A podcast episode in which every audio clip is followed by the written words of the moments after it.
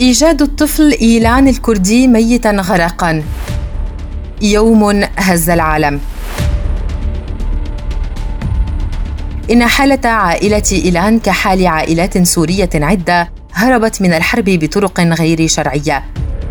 وفي ذلك اليوم ركبت العائلة مع 12 مهاجرا زورقا متجها في جنوب غرب تركيا إلى جزيرة كوس اليونانية لتتجه العائلة بعد ذلك إلى كندا عند أقاربها.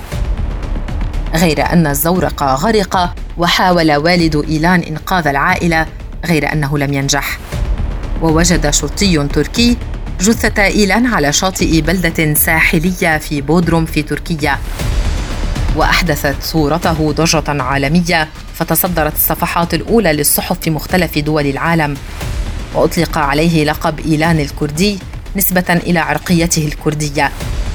وارتبطت صورته بتوجيه دعوة إلى المجتمع الدولي من أجل التحرك لمساعدة السوريين اللاجئين منهم والمهاجرين الذين يسعون إلى الدخول إلى الدول الأوروبية بطرق غير شرعية. إن الطفل السوري الغريق والذي رج الكرة الأرضية بجسده الملائكي الذي تلاعبت به الأمواج وعمره ثلاث سنوات اسمه إيلان تعني كلمة إيلان في الكردية حامل راية النصر.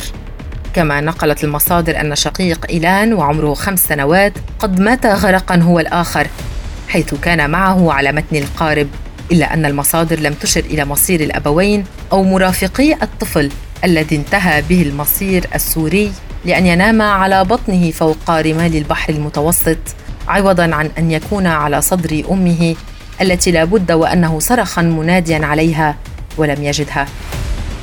كان ذلك في الثاني من سبتمبر عام 2015